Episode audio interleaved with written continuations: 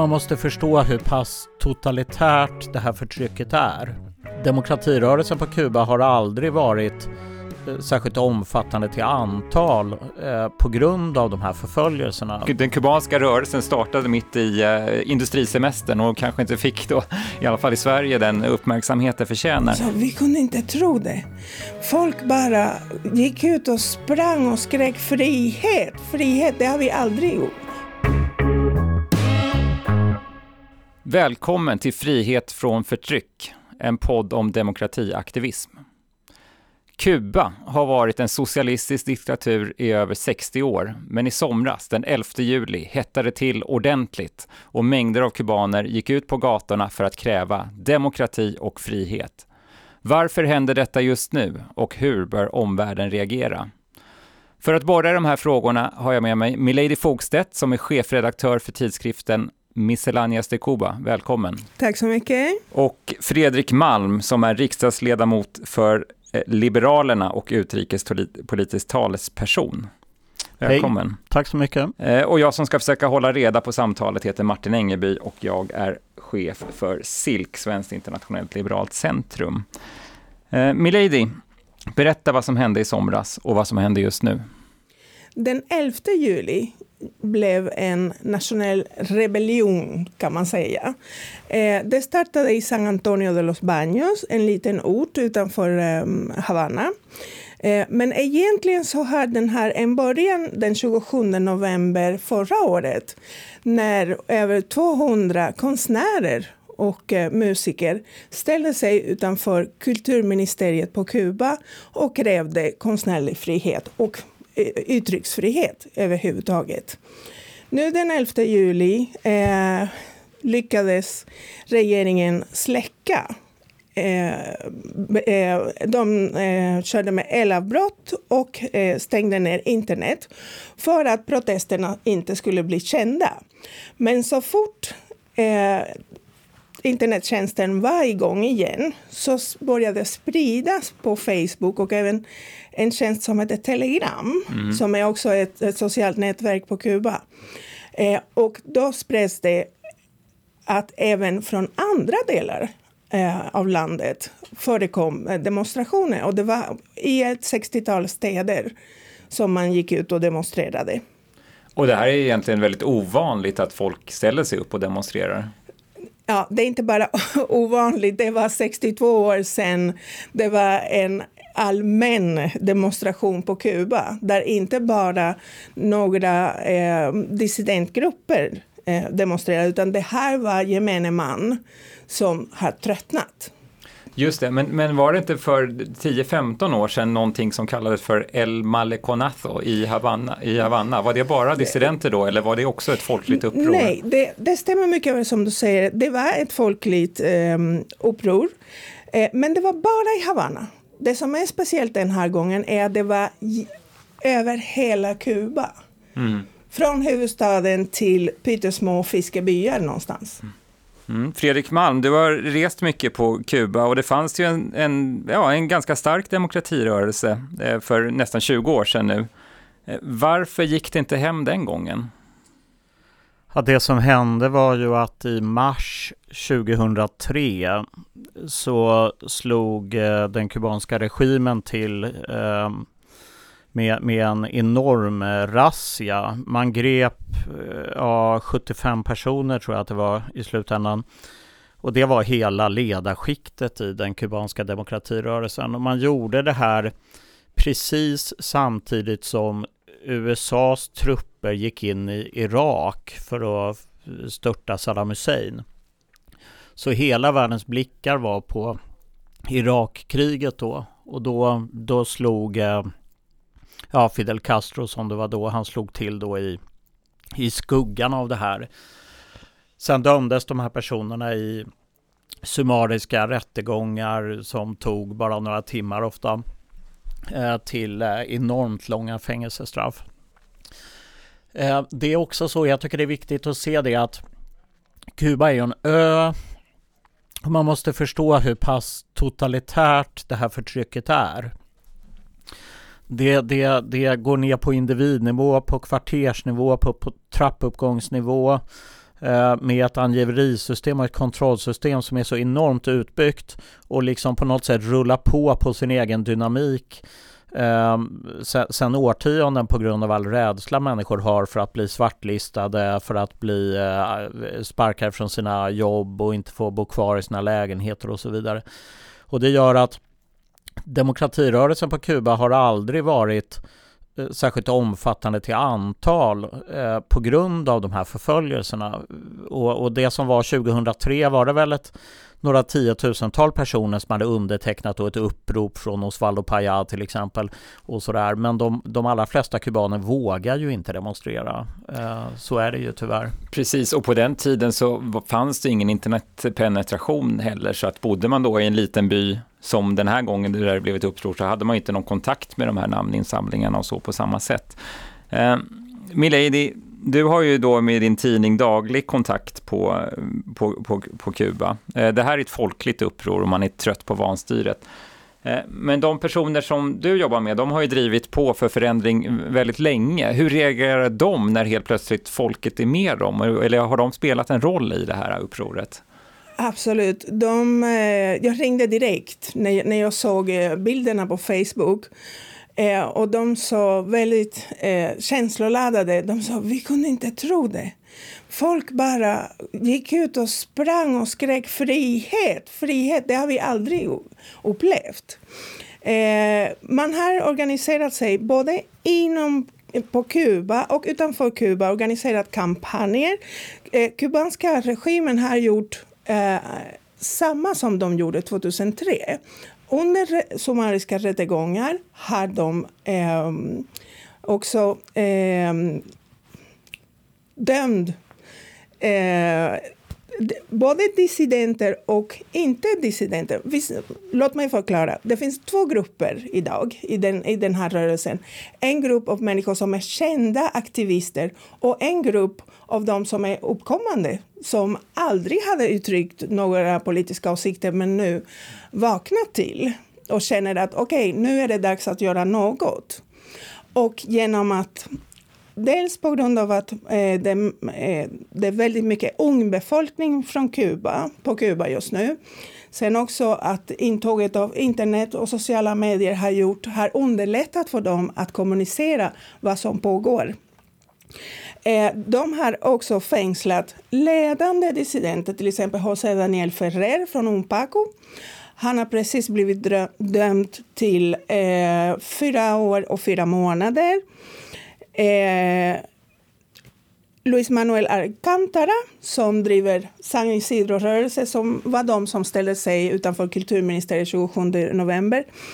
Eh, han Eh, han sitter i husarrest. Och så det är likadant med många andra av de kända. Antingen sitter de i fängelse eller i, ett, i en inofficiellt husarrest det är ju väldigt effektivt och det såg vi 2003 att, att faktiskt sätta ledande personer i fängelse. Då kan de inte, inte jobba. Och, och, men det är också väldigt effektivt att ta mannen på gatan och kasta honom i fängelse för då statuerar man ju ett exempel på att om du sticker upp så kan det här hända dig. Precis. Även om du, vi har ju sett samma saker i andra länder. Ja, och det har gått väldigt, väldigt långt den här gången för att det har varit dödsfall.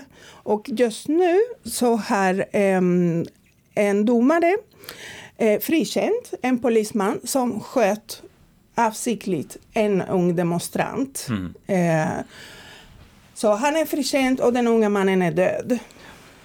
Fruktansvärt. Eh, Fredrik, det är väldigt stökigt i, i världen. Eh, det händer mycket på många olika ställen. Och de här, alltså, den kubanska rörelsen startade mitt i eh, industrisemestern och kanske inte fick då, i alla fall i Sverige, den uppmärksamhet det förtjänar. Men Kuba är liksom ett nyckelland och, och det är en av de mest seglivade diktaturerna.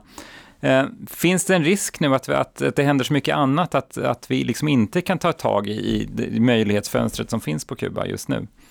Ja, verkligen. Um, samma sak gäller egentligen Hongkong och Belarus och, och flera, flera andra eh, områden i världen där man har sett eh, ett, ett omfattande eh, förtryck och så. Eh, grejen med Kuba är ju att om man ser den, den, den, the big picture som man säger.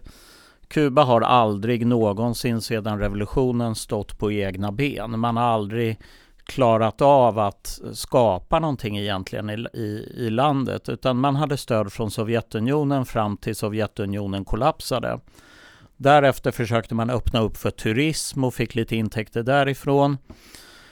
Eh, men inte särskilt stora för det är massa kostnader också och sådär. Ehm, eh, och sedan kom eh, Hugo Chavez i, i, Venezuela och blev en sorts eh, sugar daddy för Kuba. Men nu har Venezuela i stort sett ställt in betalningarna och är, är eh, också en stat på randen till statskollaps. Och det här innebär ju att Kuba nu måste hitta någon sorts ny intäktskälla för att regimen ska överleva. Och det har ju då sammanfallit med att Ryssland och Kina och Europeiska unionen och tidigare Barack Obama och nu Joe Biden alla är intresserade av att på något sätt eh, bygga relationer med Kuba för att man ser eh, möjligen eh, investeringsmöjligheter och sånt där. Um, och, och, det där gör att man har från Europeiska unionens sida väldigt mycket tonat ner kritiken mot Kuba. Man har istället ingått ett samarbetsavtal med regimen där man i stort sett har sagt att nu kräver vi inga demokratiska förändringar längre utan nu är vi mer intresserade av att bygga hotell i Varadero.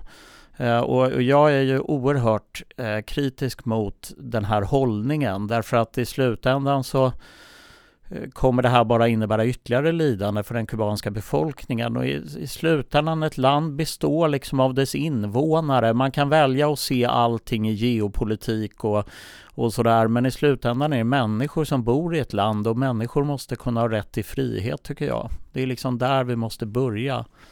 Uh, dessutom saknas det en empati tycker jag för de kubanska Eh, inte minst för de kubaner som har flytt från Kuba. De beskrivs ofta som att de skulle vara någon sorts högerradikaler och att, de är, att kubanerna i Miami skulle vara någon sorts extremister och så vidare. Det är inte alls min bild. Min bild är att det är, det är vanliga kubaner som har, som har flytt sitt land och, och, och vill ha en förändring på Kuba. Jag tycker att de förtjänar mycket större stöd och empati faktiskt. Ja, Milady, du är en av de här personerna och du, du känner till den här romantiska Kuba-bilden. Eh, tycker du ändå att den har förändrats i, i, i Sverige? Du har varit eh, du stationerad här väldigt länge och, och sådär. Ja, eh, bilden har förändrats. Dels efter att eh, 1989 Berlinmuren föll eh, efter också Sovjets kollaps. Så det, det kom förändringar i östblocket och då förstod man att okej, okay, men Kuba är ändå en diktatur.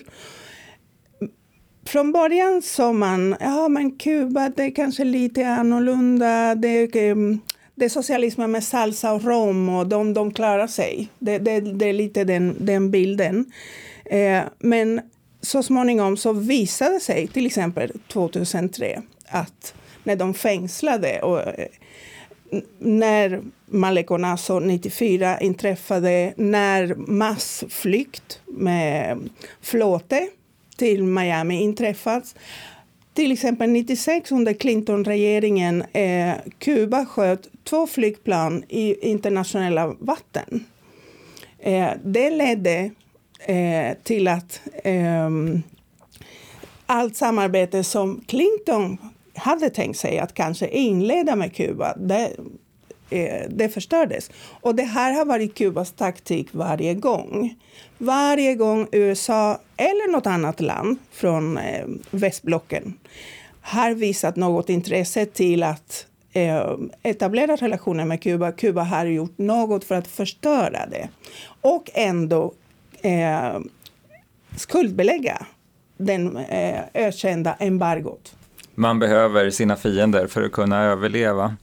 Eh, ja, vi sa Milady att det är stökigt i världen eh, och covid-pandemin såklart är någonting som drabbar alla och som påverkar politiken i, i flera länder. Eh, och det är en faktor i händelseutvecklingen på Kuba. Hur, hur har den kubanska regimen hanterat pandemin? Inte alls bra.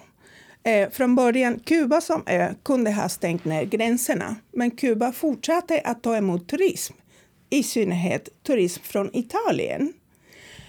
sedan, de första dödsfallen är faktiskt italienska turister och sen följde kubaner. Eh, sedan fortsatte Kuba att ta emot ryssar, två, tre flyg i veckan med turism. Och eh, det värsta är egentligen nu att eftersom man satsar så mycket på att bygga lyxhotell, det spanska kedjor, Spanien tar in arbetskraft från Indien och det är så deltavarianten har kommit på Kuba. Och deltavarianten har ju spridits över hela ön. Och senast igår såg jag ett inlägg där Isagua la Grande, en pytteliten by, hade 82 dödsfall. Och igår hade Kuba 4 000 dödsfall på en dag. Men vi backar lite, för att när pandemin började, då skickade Kuba flygplan fulla med läkare till olika länder och, och, var världens räddare. De hävdade att de hade boten och att de hade vaccin eh, väldigt tidigt. Men eh, ja, hur, hur, hur slutade det där? Och... Ja, nej. Kuba skickade läkare till eh, Italien eh, till kubanernas förträtt för att egentligen behövs de kubanska läkarna på plats. Eh, Kuba har inte resurser, dessutom vägrade ingå i Covax, i uh, vaccinsamarbetet, utan eh, har skapat tre, fyra olika vacciner som enligt dem är 92 procent säkra. Men det finns inga studier och de vägrar dela med sig. I och för sig, de har ju skickat um, vacciner till Sydafrika till exempel. Mm. De vill fortfarande leva på den här myten om att Kuba är en uh, medicinsk eh, jätte. Men mm. så är inte faktum. Sjukhusen faller isär. Eh, just den här veckan så har det varit eh, stora protester bland läkare därför att hälsoministern har anklagat läkarna för att inte följa medicinsk etik. Eh, och läkarna har gjort uppror och sagt, gjort en video och sagt det är inget fel för, på vår eh, kall. Det är regeringens hantering av pandemin, det är avsaknaden av resurser som har gjort att vi befinner oss i det här läget på Kuba. Och regeringen säger att det är USAs fel, jänkarnas fel. Fredrik? Nej, men jag tror att pandemin eh, spelar förstås eh, en, en, en, stor roll för de protester som har varit också och frustrationen som finns på Kuba givetvis. Och Eh, men efter ett tag så avtog ju turismen kraftigt sen när, när eh, länder stängde ner och så vidare. Och då hamnar ju Kuba i en situation där, och det är det man måste betänka att regimen har haft tre inkomstkällor egentligen. Det är turism, det är eh, olja från Venezuela som man sen kan förä, eh, raffinera och skeppa vidare. Och det är pengar eh, från kubaner i exil som skickar hem pengar. Och Venezuela slutar skicka olja för Venezuela närmar sig statskollaps och inbördeskrig.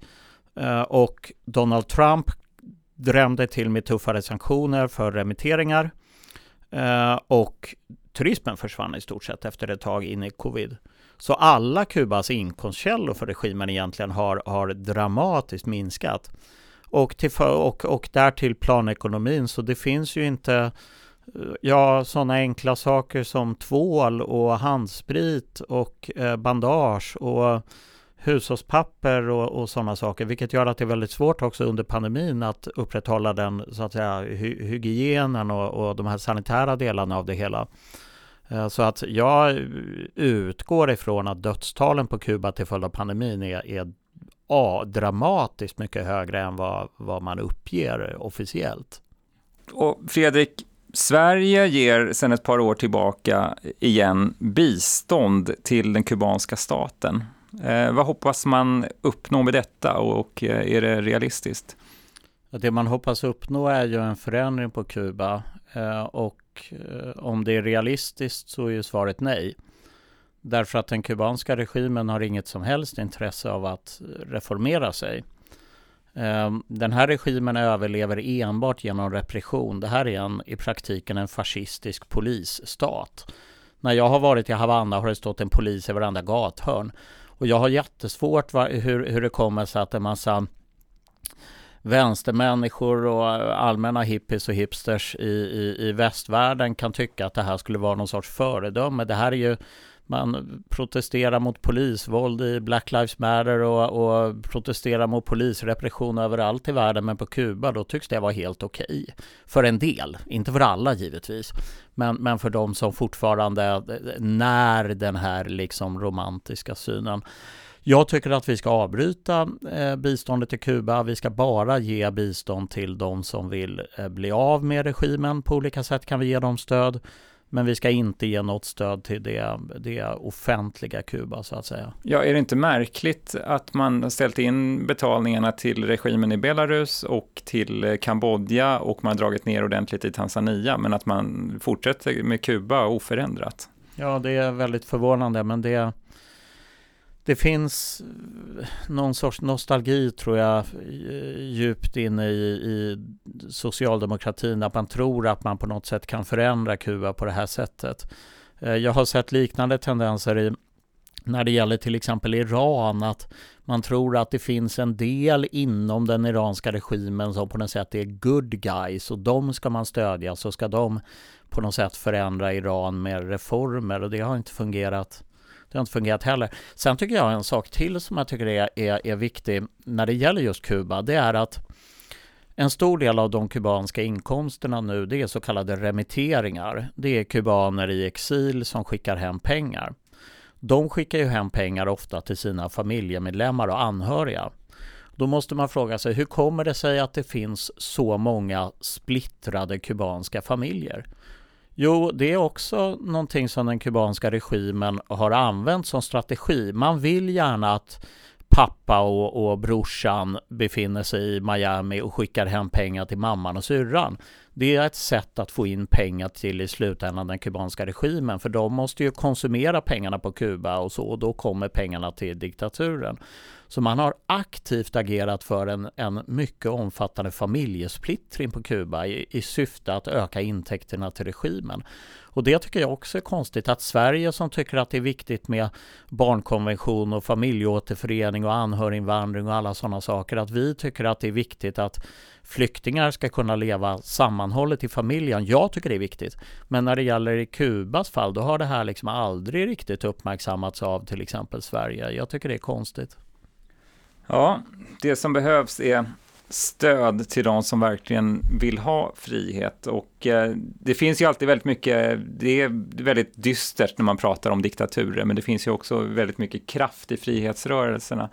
Eh, en av mina, det finns ju så mycket som har gjorts under så många år, men en av mina favoriter apropå konstnärer, det var konstnären El Sexto som, som tog två grisar och sprayade Fidel på den ena och Raoul på den andra och släppte ut dem i stan. Eh, det blev inte populärt, men, men, men det, var, det, var, det var, jag tycker det var en väldigt bra demonstration. Milady, har du några favoriter vad, vad gäller, eller några ögonblick i, liksom i, eh, i frihetskampen som du tycker är minnesvärda? Ja, absolut. Jag har två stycken. En, en går lite eh, längre bak. Eh, Eliezer Avila som eh, idag eh, leder Somos Mas. Eh, han var student på eh, IT eh, fakultetet i, i Havanna. Eh, de är också väldigt kända för att spionera på alla dissidenter och så vidare utrikesminister han håller en pressträff och Eliezer, Eliezer ställer sig upp och säger men ja, ja, jag vill veta varför kubanerna kan inte resa. Och då säger utrikesminister, ja, för om alla som ville resa gick upp i luften, då skulle det bli trafikkaos i luften. Han, han tappade allt anseende efter det. Och den senaste är ju såklart Patria i vida. Att omvandla en, en slogan, liksom en känd låt som uppmanar till eh, till döden, till att offra sig för fosterlandet och istället ska det vara nej, vi vill ha ett fosterland men vi vill ha ett liv mhm. istället. Mm. Ja, ja, det är fantastiskt. Eh, Fredrik, du har också rest på Kuba. Har du några favoritminnen Nej, jag har ganska dystra minnen. Jag var ju på Kuba precis samtidigt som den här razzian ägde rum eh, i mars 2003. Eh, så att jag har ju bara dystra minnen därifrån. Eh, tidigare så var jag ju där också och, och eh, hjälpte ju eh, det som kallas för Bibliotecas alltså Independiente. Det var oberoende bibliotek som, ja det var ju egentligen människor som lånade ut böcker, i, hade, hade sin egen bokhylla med böcker och fick lite donationer kanske från människor som var på Kuba som visste om, eh, ja visste var de bodde och kom och lämnade böcker och jag lämnade över ett gäng böcker av eh, eh, Miagro i Miami, vad heter hon? Så, eh, så, eh, så Valdez va? Så är Valdez. Ja. Eh, och Mario Vargas Llosa böcker och det var lite eh, editorials, alltså ledarartiklar från El Mundo och lite tidningar och Amnesty-rapporter och lite allt möjligt som jag kopierade upp i Sverige och tog med dit och, och gav så att det fick lite spridning. För det är det som är så bisarrt på Jag tror inte att folk i Sverige riktigt förstår hur enormt totalitärt det här systemet är. Alltså att man det finns andra diktaturer som, där människor ändå på något sätt kan ha viss frihet i, i, i vardagslivet och sådär. På Kuba är, är det är så enormt snävt alltså. Det går inte att andas frisk luft och ha tillgång till fri litteratur och sådär. Och, och länge hade ju Kuba inget, inget internet alls. Man hade något som hette Kuba Web. Det var ett sorts intranät på Kuba liksom. Uh, och, och, och, sådär. Jag tror att delvis att det har med geografi att göra, just att det är en ö. Jag tror att det, det gör på något sätt att det blir ännu mer isolerat. Uh, så. Mm, jag, jag har också, jag kom på en, en riktigt bra eh, bravad. Eh, när vi från början eh, hade vår tidningen A5-format. Mm. Eh, lite tjock så det kunde bli stadig och det visade sig att någon hade gjort en tårta på eh, tidningen och tidningen smugglades in i fängelset. Där, där den nådde vissa där, av de här fångarna? Precis. Mm. Så de kunde säga att vi följde upp deras situation. Ja, jag vet Fredrik att när du var på Kuba 2003 så träffade du en, en person som, som heter José Luis Paneque som, se, som sen var en av de 75 som dömdes till långt fängelsestraff. Han blev ju utsläppt 2010 och besökte oss i Stockholm. Jag kommer ihåg vi träffades på Kulturhuset eh, och då så tog du upp din laptop och visade bilder från när du träffade honom 2003. Mm. Det, det, är också ett väldigt kärt minne för mig i alla fall och visar den här långa vänskapen som, som behövs, det stödet som behövs för att hjälpa människor som är utsatta. Ja, jag tror vi får runda av där. Eh, du har lyssnat på Frihet från förtryck, en podd om demokrati, aktivism och biståndspolitik. Eh, vi är SILK, Svenskt internationellt liberalt centrum, och vi arbetar med demokratibistånd, fria val och utvecklingsdebatt. Den här podden har finansierats av stiftelsen Karlstads fond för frisinnade ändamål och av dig som är skattebetalare vars pengar har insamlats av Skatteverket, utdelats av regeringen till Sida, vidare till organisationen Forum SIV som i sin tur har tecknat projektfinansieringsavtal med oss. Klippning Gustav Edman. Följ oss på Facebook. Hitta fler avsnitt på www.silk.se podd. Och kom ihåg, utan demokrater blir det ingen demokrati.